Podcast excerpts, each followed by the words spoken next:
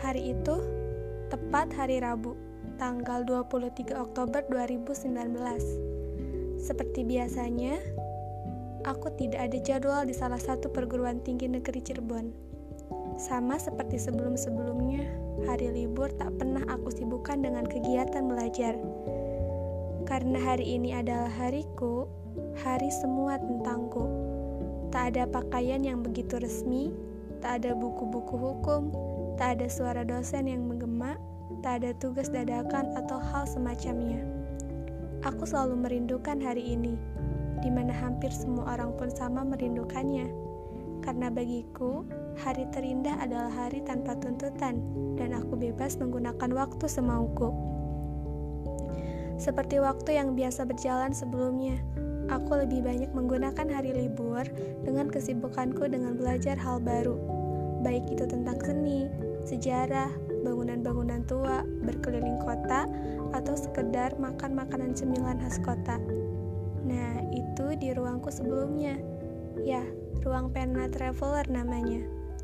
Namun, tak cukup dari itu, aku masih belum bisa menemukan kebahagiaanku yang nyata. Karena selama perjalananku, aku hanya ditemani bayang-bayangku saja, tanpa saudara, teman, atau pemandu wisata. Sebelum berpergian, aku lebih suka membaca sejarahnya terlebih dahulu. Kemudian aku bandingkan dengan semua yang tertulis di papan-papan keterangan tempat wisata.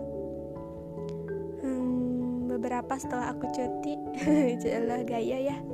Dari beberapa tempat bersejarah dan kesenian, meskipun sebenarnya sih masih banyak list yang tertunda, namun kini aku sedang mencari sesuatu hal yang mungkin akan melengkapi catatan ruang penaku di sela-sela setelah aku berkeliling kota. Dan inilah saatnya ketika hatiku yang berbicara bahwa aku butuh seorang teman yang akan membawaku pada dunia mereka. Dunia lain, eh maksudnya bukan dunia goib ya, yaitu dunia yang belum pernah aku kenal sebelumnya. Dan yang aku maksud adalah dunia sesungguhnya, dunia luar, dunia keras, dunia dengan realita, dunia yang di dalamnya hanya terdapat orang-orang yang hanya Tuhan titipkan pada seorang yang memiliki hati yang kuat untuk bisa menjalaninya. Dan semua itu aku awali dari dunia di lampu merah tengah kota. Nanti aku akan ceritakan episode selanjutnya.